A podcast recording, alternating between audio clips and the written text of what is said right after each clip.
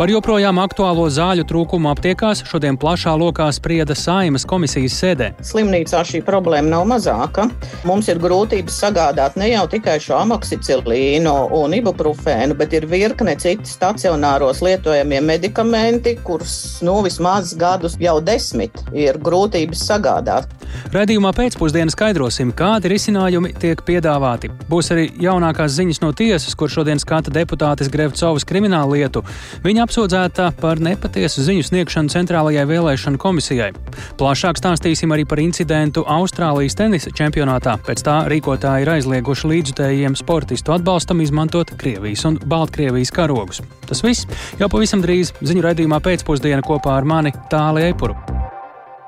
16,5 minūtes skan pēcpusdienas ziņu programma, skaidrojot šodienas svarīgos notikumus. Studijā tālāk Eipurs, labdien! Plašo plūdu skartā Jēkabpils pašvaldība turpina strādāt pie tā, lai vietās, kur tas jau iespējams pēc iespējas savestu pilsētu kārtībā un cilvēki varētu atgriezties savās mājās. Jēkabpils domas attīstības pārvaldes vadītājs Ilmārs Lūksts kolēģiem Dacei Simonovičai stāsta par aktuālākajiem darbiem.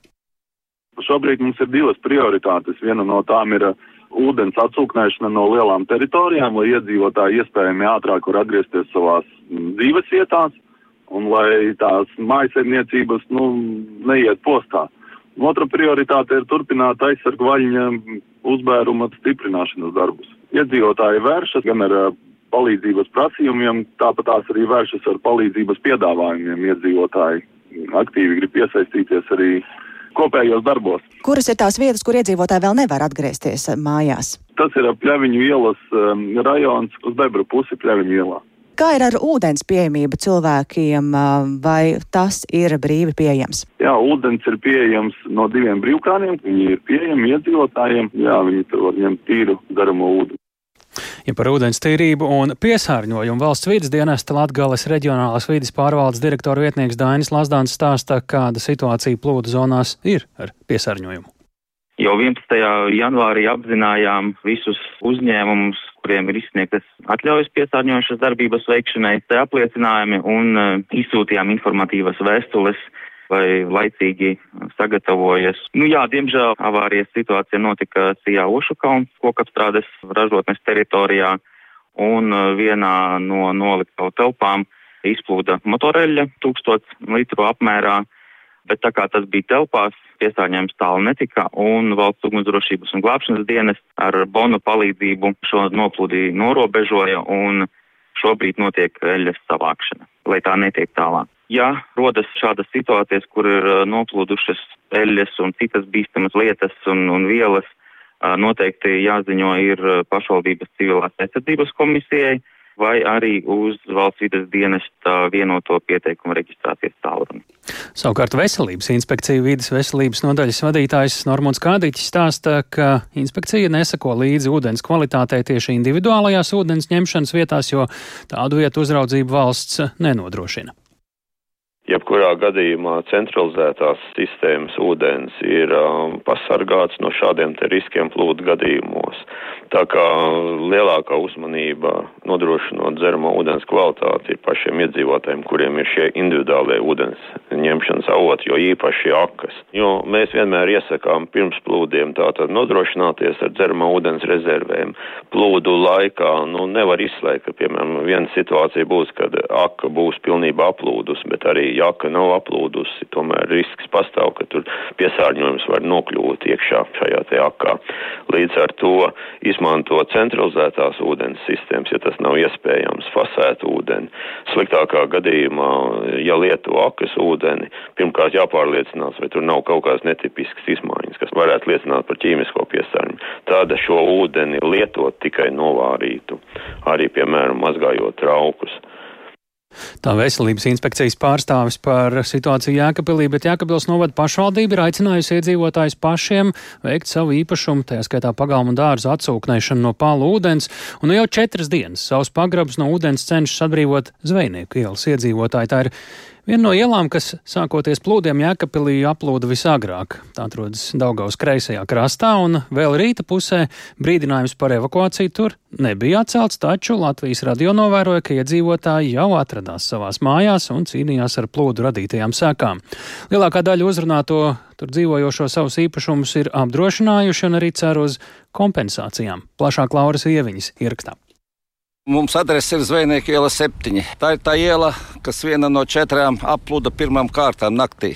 Tas bija laikam 14. janvārī. Stāsta šodien no rīta satiktais Jāzeps Šesters. Nu, mēs esam tie laikam lielākie cietēji, tāpēc ka tagad mūs traucē gruntsūdeņi. Visi pagrabi ir pilni ar ūdeni, un visi tagad atsūknē. Un nav zināms, cik tas būs ilgi. Varbūt mēs sūknēsim visu ziemu līdz pavasarim. Daugavas ūdens bija apludinājis pusi no zvejnieku ielas.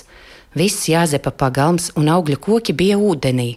Šodienu laikā ūdens pamazām ir atkāpies, un tagad ceļš ir sauss. Pilsētas dambis, viņš tieši šeit arī beidzas ielas galā. Mūsu apludināja nevis, nevis tas ūdens, kas parasti nāk teiks, pilsētā, bet tas, kas nāk vārskot ārpus dambja. Mūsu augš, augšpusē apludinājumu. Un tā, ka tagad, ja celsies ūdens līmenis, mēs atkal būsim tie pirmie, kas plūdīs. Zvejnieku ielā trīs sastaptā Anita Leja kopā ar vīru visu šo laiku ir palikusi savās mājās, pieskatīt īpašumu. Viņa stāsta, ka arī kaimiņu mājās evakuējušies lielākoties tikai bērni un veci cilvēki. Ūdens Anitas pagalmā pašlaik nav manāms. Nu, tas, ka ūdens nav virskārtā, mēs zābakus neesam novilkuši. Mūsu visi pagrabi varu parādīt, visi ir pilni. Ārpus teritorijas arī vēl ir pilns ar ūdeni. Mēs sūknējam visu laiku non-stopā ūdeni no pagrabiem, lai varētu kaut cik iekurināt mājas, jo nevaram iekurināt, kamēr ir mājā ūdens. Vakar visu dienu esam cīnījušies ar kaimiņu mājas problēmām, jo tur strādā četri sūkņi un netiek galā ar ūdeni. Vakar pirmo reizi pēc četrām sutkām visi iegājām dušās, nomazgājām un nomainījām drēbes. Anita saka, ka ūdens līmeņa samazināšanās ir devusi brīdi atelpai, bet ir pārliecināta, ka lielākās problēmas vēl tikai sāksies. Varu parādīt ar aci lūs no stāps. Redziet, mums visi pamati sēžas iekšā. Anita savu īpašumu ir apdrošinājusi un cer saņemt arī kompensāciju. Bet mēs vairs neskaitījāmies tā plūdu zonu. Jums bija dāmas ceļa galā beidzās. Un, nu, nezinu, tieši pašlaik arī doma bija braukt uz apdrošināšaniem, prasīt, vai mēs jau varam kaut kādas konstrukcijas nojaukt paši, lai, vai viņi brauks mūs apsekot. Jo šis vairs nav droši, var uzkrist jebkuram bērnam uz galvas. Laura Ieviņa, Latvijas Rādio studija Latgalē. Tik tālu par jēkapili, bet uh, pa straumu zemāk pļaviņās situācija joprojām ir pietiekami droša un plūdi pat labā nedraud. Aģentūrai Leti saka pļaviņu apvienības pārvaldes vadītājs Andris Ambainis. No jēkapils ir atnākusi arī ledus masa, tā ir apstājusies jau esošā ledus sastrēguma galā, bet bīstamas situācijas var veidoties, ja ledus sastrēgums ir aivieksts grīvā aiz pļaviņām.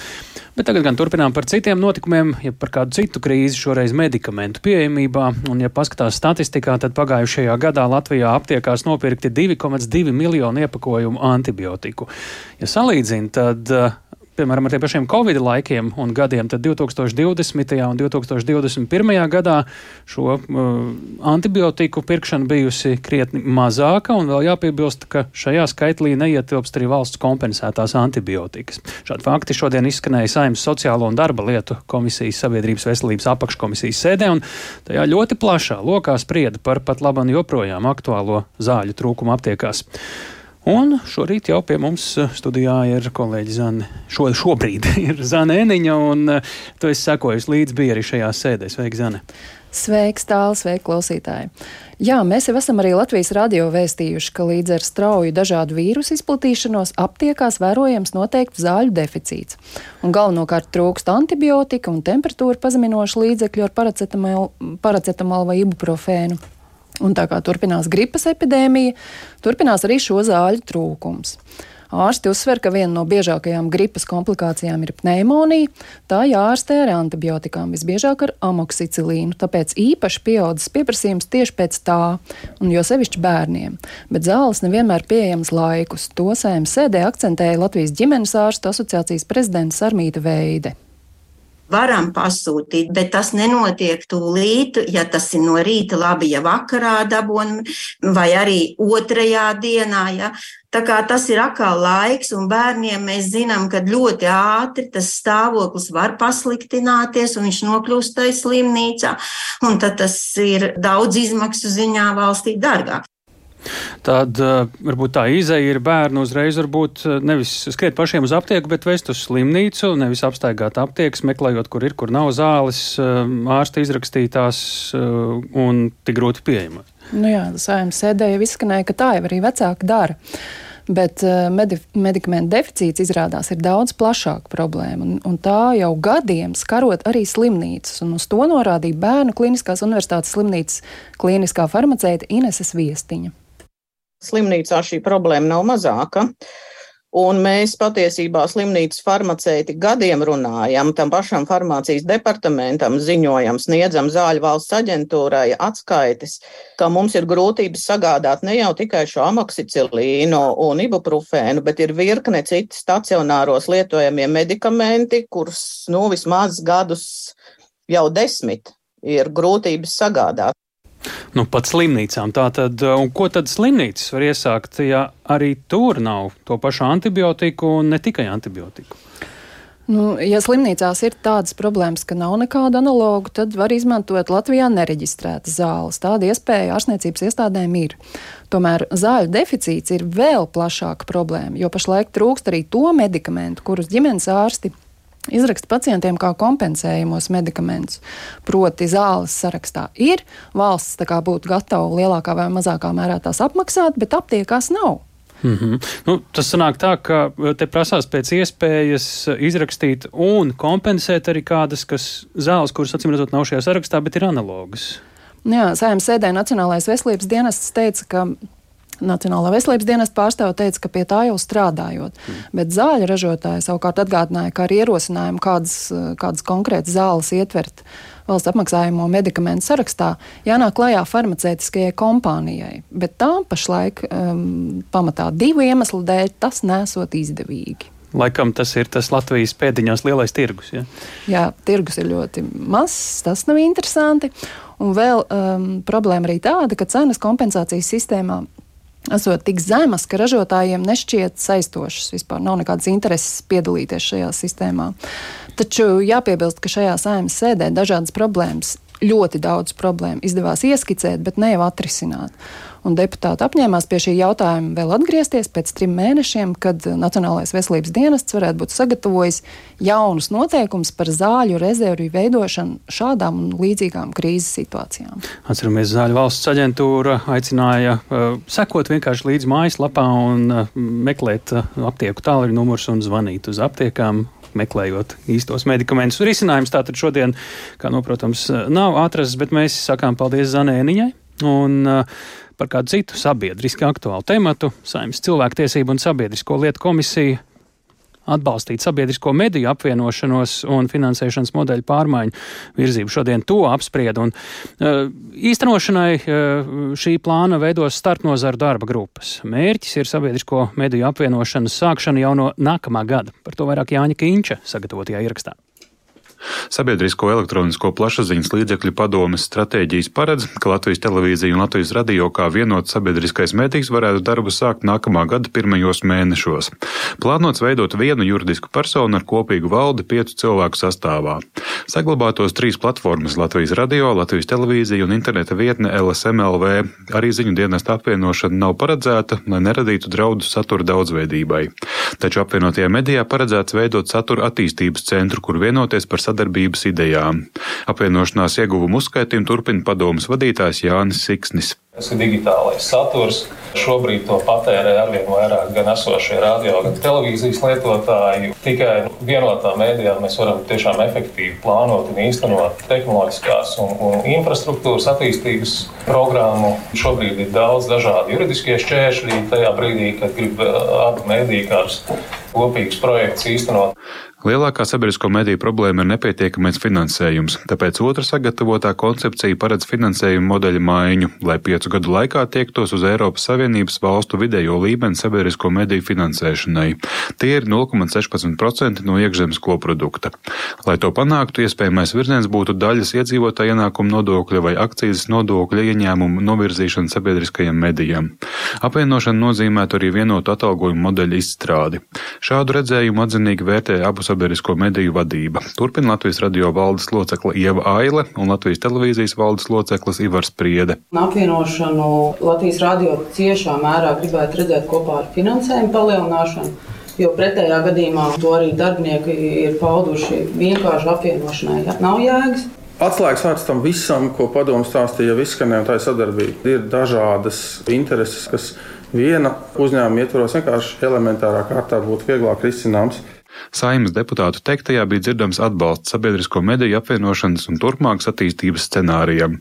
Sarunas par to ilgušas vairāk nekā desmit gadu, taču šoreiz sabiedrisko mediju apvienošana un pēc laika to finansējuma modeļa maiņa iekļaut arī valdības deklarācijā. To uzsvēra kultūras ministrijas parlamentārais sekretārs Ritvars Jansons no Nacionālās apvienības. Viņš arī vērs uzmanību jautājumiem, uz kuriem atbilžu vēl nav. Šobrīd no koncepcijas neizriet tieši kā apvienošana sekmēs satura kvalitātes pieaugumu un satura nu, tādu pievilcību tieši dažādām auditorijām mūsu sabiedrībā. Sabiedrisko elektronisko plašsaziņas līdzekļu padomi turpmāko darbību plānu Latvijas radio un Latvijas televīzijas apvienošanā sagatavos līdz nākamajai nedēļai. Pirmais uzdevums pavasarī būs sabiedrisko mediju likuma izmaiņas. Jānis Kincis, Latvijas radio. Sabiedriskie mēdīji tikmēr turpina strādāt, tā skaitā skaidrojot arī vissaudabīgākos notikumus.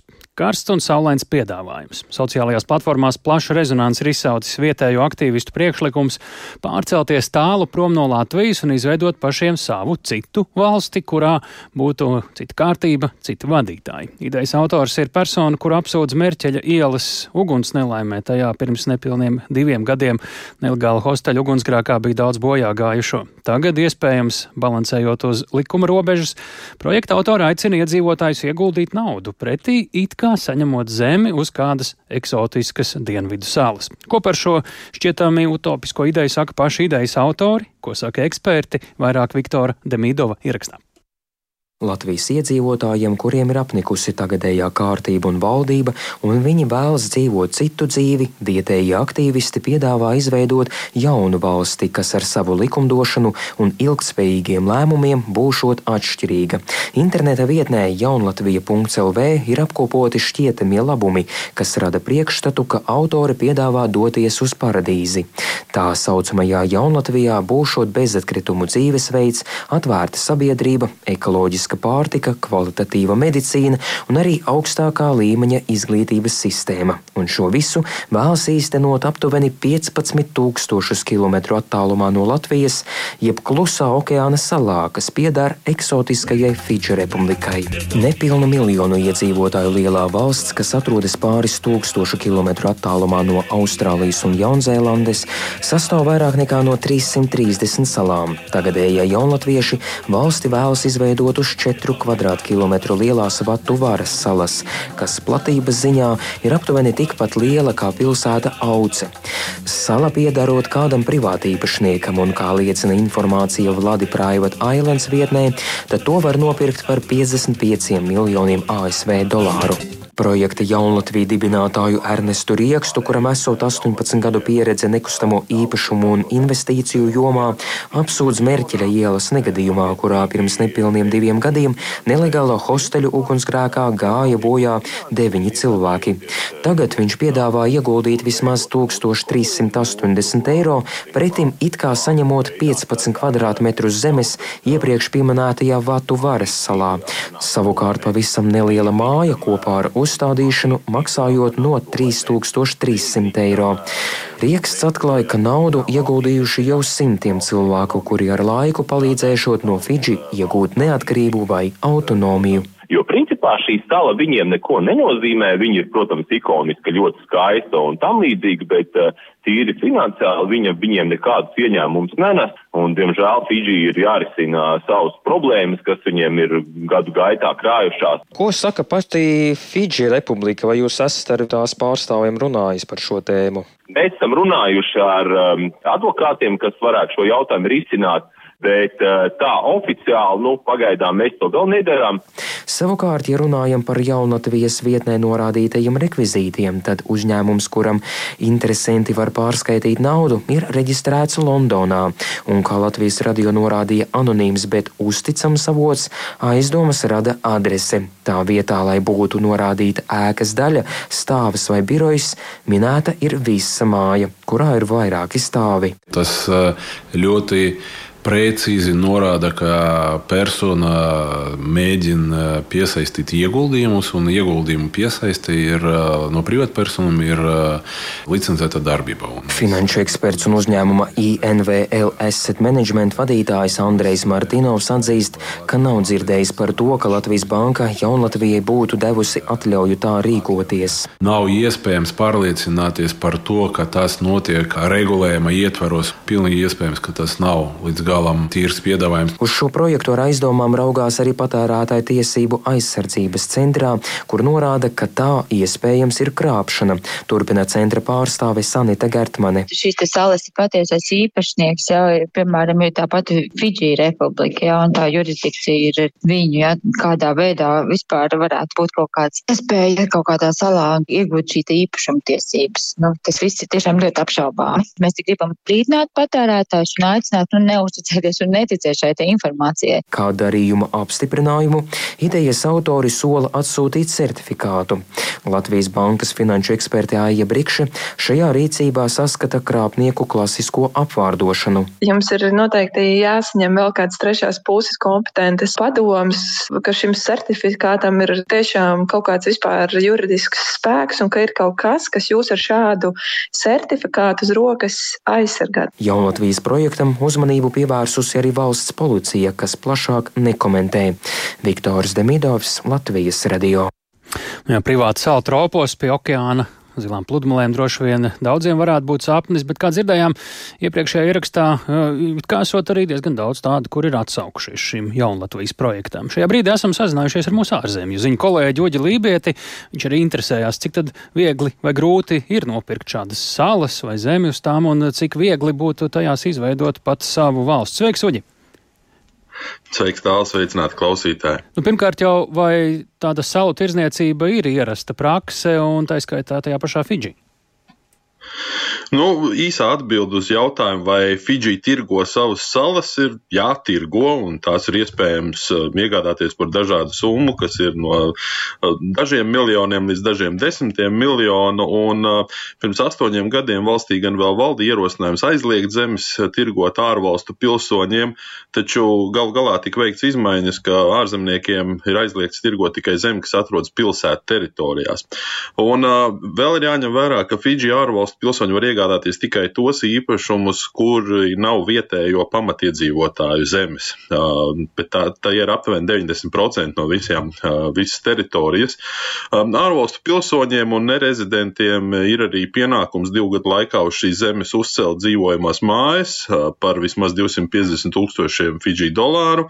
Un, ja tas tiek netiek darīts, tad par to ir arī jāmaksā soda nauda aptuveni 100 tūkstoši dolāru un arī fiksēta soda nauda 10% no zemes vērtības. Un, un ja runājam par Vatu Vāru salu, kas, kur sevi ir noskatījuši Jaunlatvijas dibinātāji, tad savulaik tā tika jau pārdot amerikāņu uzņēmējiem, kompānijas Oakley īpašniekam Jamesam Dženardam.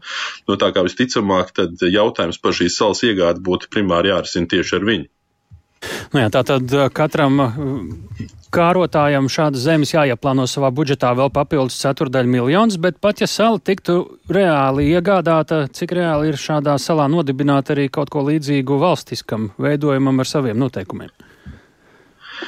Nu, šeit jāsaka, ka salas iegāde varbūt nav tas vienkāršākais process, kā varētu likties. Ja arī doma izveidot savu valsti ar saviem neatkarīgiem likumiem un noteikumiem, nu, izskatās vilinoši, tomēr tas nav vienkārši. Pirmkārt, jau tāpēc, ka pat ja jūs izlemat iegādāties salu kādā valstī, tad šī sala tāpat atradīsies tās konkrētās valsts jurisdikcijā.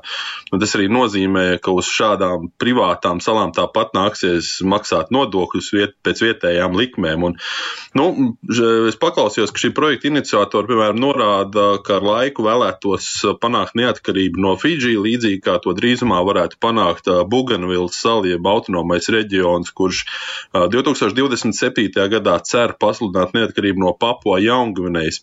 Nu, šī gan ir daudz lielāka, daudz apdzīvotāka sala ar aptuveni 8000 gadu ilgu apdzīvotības vēsturi, dažādiem pilsoņu kariem, arī nu, ļoti ilgu pašnoteikšanās cīņu. Un, um, tāpat um, tika piesaukts arī draudzības tilts Maldīvu salās, ko ir finansējusi Ķīna, nu, kā apmaiņā pret uh, kaut kādu valstiskumu atzīšanu, tad nu, jāatzīst, ka arī šis varbūt nav tas labākais piemērs, jo arī citviet pasaulē Ķīna un arī citas valsts visai pretīm nākoši piedāvā dažādus dāsnus aizdevumus apmaiņā pret teritorijām vai ieguldījumiem infrastruktūrā, nu, parasti gan tas beidzas ar nu, pieņemošās valsts iekļūšanu ievērojamā parāda jūgā vai pat daļas suverenitātes zaudēšanas.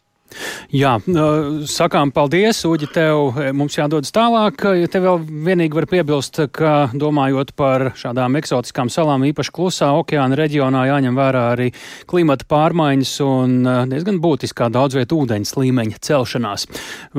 Šajā gadījumā mēs dodamies pie nākamajiem tematiem jau pēc brītiņa par to, ka līdzjutējiem sacensību laikā sportistu atbalstam izmantot Krievijas un Baltkrievijas karoks turpmāk būs liekts, tā lēmuši Austrālijas atklātā tenisa čempionāta rīkotāji iedzīvotāji, un atlūgumu iesniedzis Ukrainas prezidenta biroja padomnieks Oleksijas Arestovičs par šiem tematiem jau pēc brīža.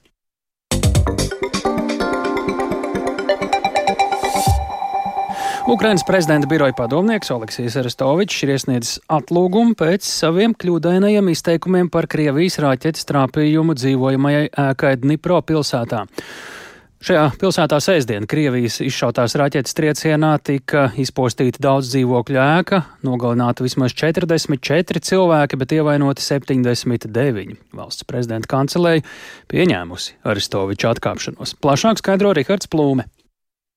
47 gadus vecais Ukrainas prezidenta biroja padomnieks Oleksijas Arestovičs ir bijušais Ukrainas izlūkdienesta virsnieks, kurš darbojies kā Ukrainas prezidenta biroja ārštata padomnieks kopš 2020. gada decembra. Kopš 24. februāra viņš kļuva par vienu no galvenajiem Ukrainas valdības runas vīriem, kurš vēstīja par situāciju frontē. Arestovičs sadarbojas ar pret Kremli naidīgi noskaņoto Krievu blogeri Mārku Feiginu.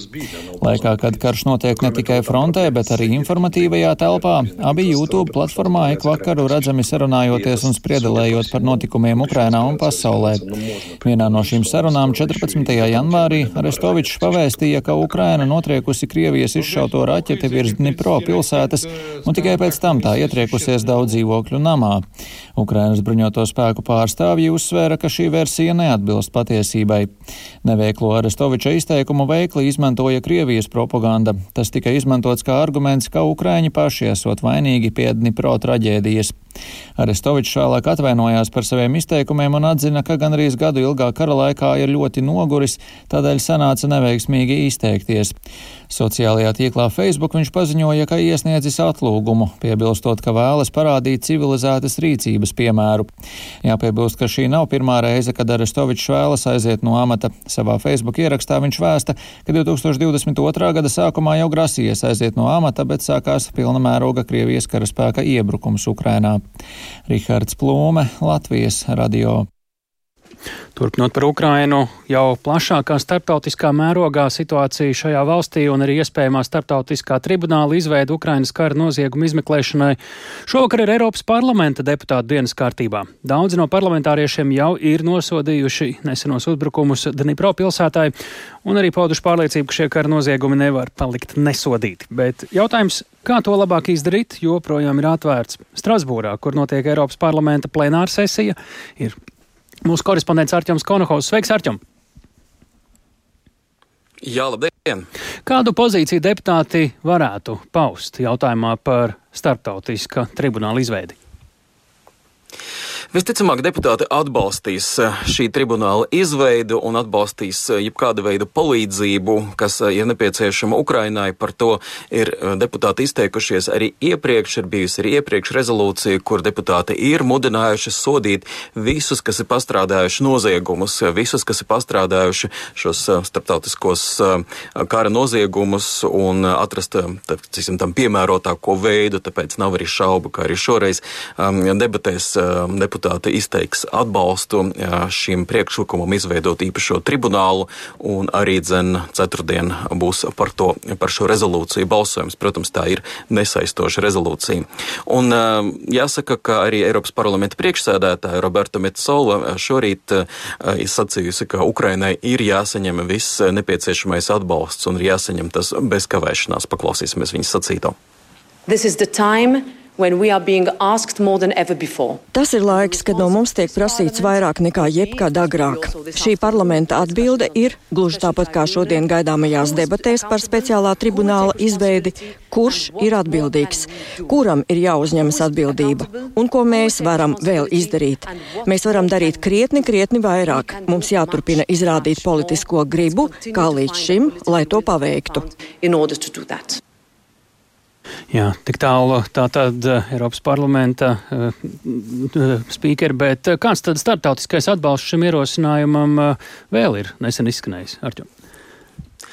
Jā, jāatcerās, ka tās bija Baltijas valstis, kas pirmās nāca ar ierosinājumu izveidot īpašo uh, tribunālu, un sākotnēji šī ideja tika uztvērta ar zināmu piesardzību, ja neteikt, ka uh, tādu zināmu negativitāti, bet pēc tam gan Eiropas komisijas priekšsēdētāji ir izteikusies par labu šai iecerēji, gan arī Nīderlandes valdība ir piedāvājusi šo tribunālu izveidot Hāgā, jo viņiem ir liela pieredze, protams, ar dažādām starptautiskām tiesām Hāgā, un uh, tad tagad arī pirms pirms eh, dažām dienām burtiski ir arī Vācijas ārlietu ministre Annalēna Bērboka ir sacījusi, ka viņa vēlētos un uzskata to par labu ideju. Tad, tad eh, šis atbalsts pieaug, un um, tagad jautājums ir par to, kā lai to būtu teiksim, vislabāk paveikt. Un viena no versijām varētu būt, ka šis tribunāls tad atrastos Hāgā, bet viņš balstītos uz Ukrainas likumiem un arī dzen, viņam palīdzētu šiem Ukrainas likumiem, palīdzētu arī starptautiskie likumi un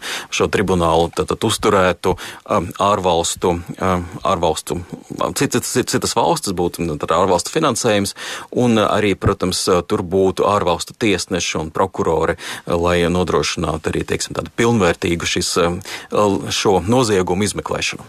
Un vēl arī īsumā, uh, cik vispār šobrīd uh, dominējošs notiekošais Ukrainā ir Eiropas Savienības lielajā politiskajā dienas kārtībā? Jāsaka, ka par Ukrainu tiek runāts ļoti daudz un ļoti aktīvi. Arī Zviedrijas premjerministrs, kurš šodien Eiropas parlamentā izklāstīja visus uh, savas gaidāmās, savas valsts gaidāmās prezidentūras prioritātes, viņš ir runājis daudz par Ukrainu un arī viņš ir atkārtojis, ka Ukrainai ir jāsaņem viss nepieciešamais atbalsts nekavējoties un mums ir jāturpina viņa, šī valsts atbalstīt, lai karš beigtos pēc iespējas ātrāk. Tā kā tiešām Ukrainas vārds nekur nepazūd. Tā ir svarīga ziņa un ir svarīgi par to ik pa laikam arī pārliecināties. Sakām paldies Ārķumam Konohovam, mūsu korespondentam, kurš šobrīd ziņoja no Eiropas parlamenta plenāras sesijas Strasbūrā. Tagad par kādu vēl kādu tiesas procesu, kurš jau ir sācies un sācies tepat Latvijā un faktiski turpinās jaunumi saimnes deputātes Glorijas Grevcovas krimināllietā par melošanu centrālajai vēlēšanu komisijai. Šodien notiek jau otrā tiesas sēde, un tajā atšķirībā no pirmās klāt bija arī pati partijas stabilitātei politiķi. Esam sazinājušies ar kolēģi Viktoru Demīdovu. Viņš šodien ir devies uz tiesas sēku. Sveiks, Viktor! Kādi jaunumi šodien no tiesas zāles? Sveiks, tāls, sveicināti Latvijas radio klausītāji. Jā, šobrīd es atrodos Rīgas pilsētas tiesā Pārdaugavā, kur par melošanu centrālajai vēlēšanu komisijai uz apsūdzēto soli sēdusies saimas deputāte Glorija Grefcova no stabilitātei. Tagad eh, tā jau ir beigusies eh, šī sēde, ja precīzāk sakot, lietā izsludināts pārtraukums, un prokurors lūdza nopratināt viņas partijas biedru Āmilu Salīmovu, eh, jo Grefcova viņu minējusi savā savās liecībās, atzīstot, ka Centrālās vēlēšana komisijas anketu par sevi viņa bija nosūtījusi tieši viņam, kuru tad aicinās uz nākamo sēdi. Jā, un tad atgādināšu, ka parlamenta deputāti apsūdz par to, ka viņa norādīja nepatiesu informāciju par savu izglītību un darba vietu.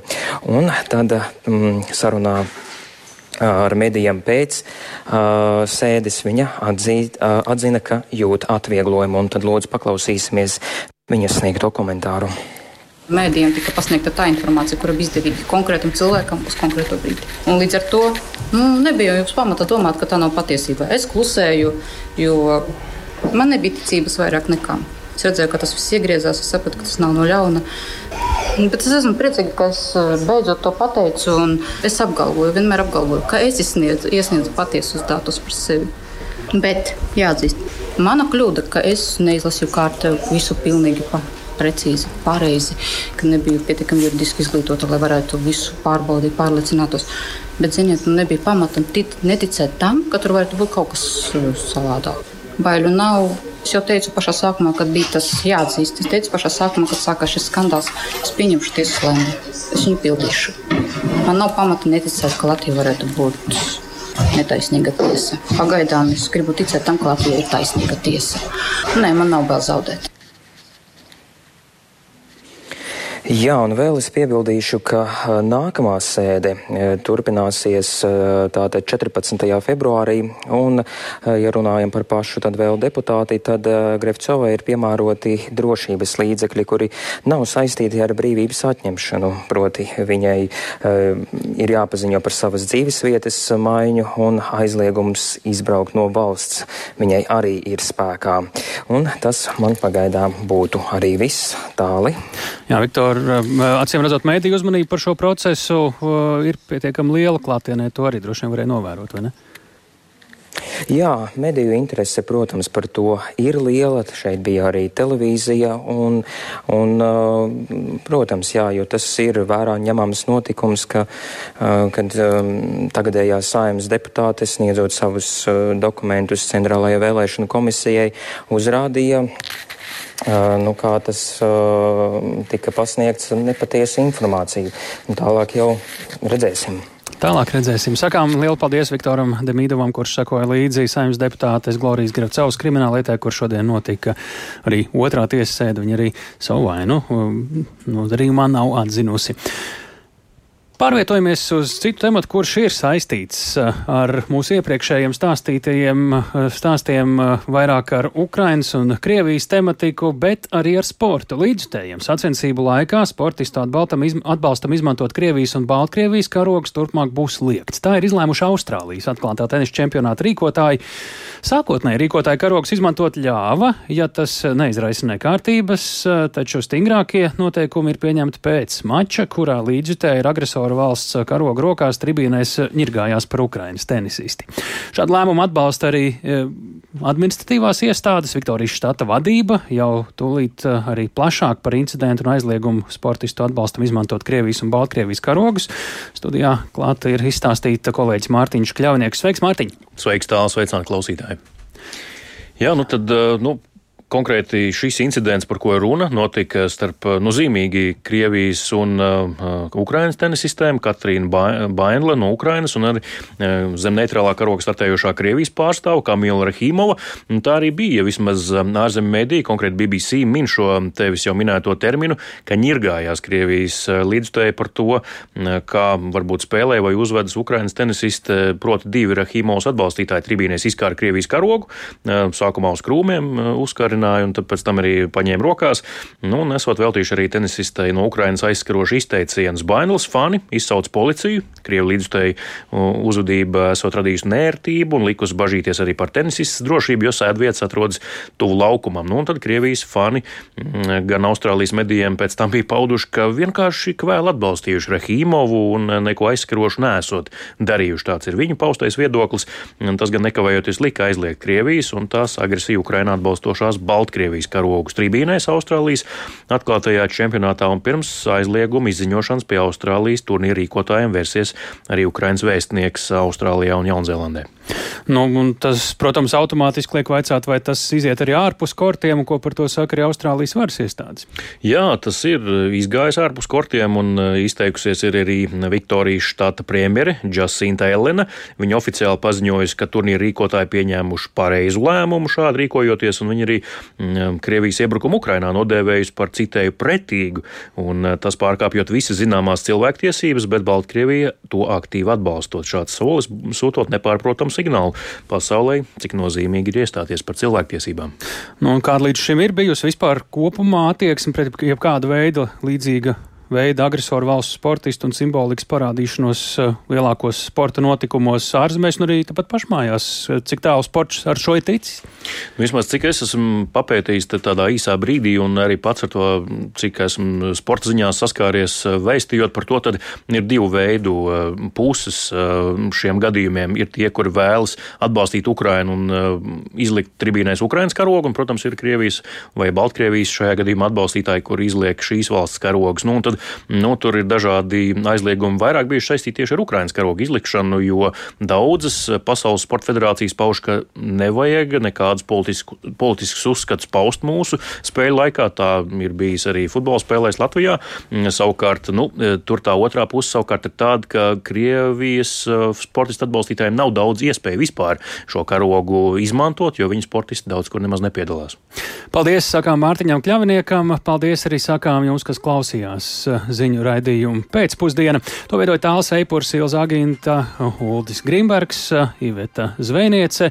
Šo raidījumu varat klausīties arī atkārtojumā Latvijas radio mobilajā lietotnē. Mēs tiekamies atkal rīt!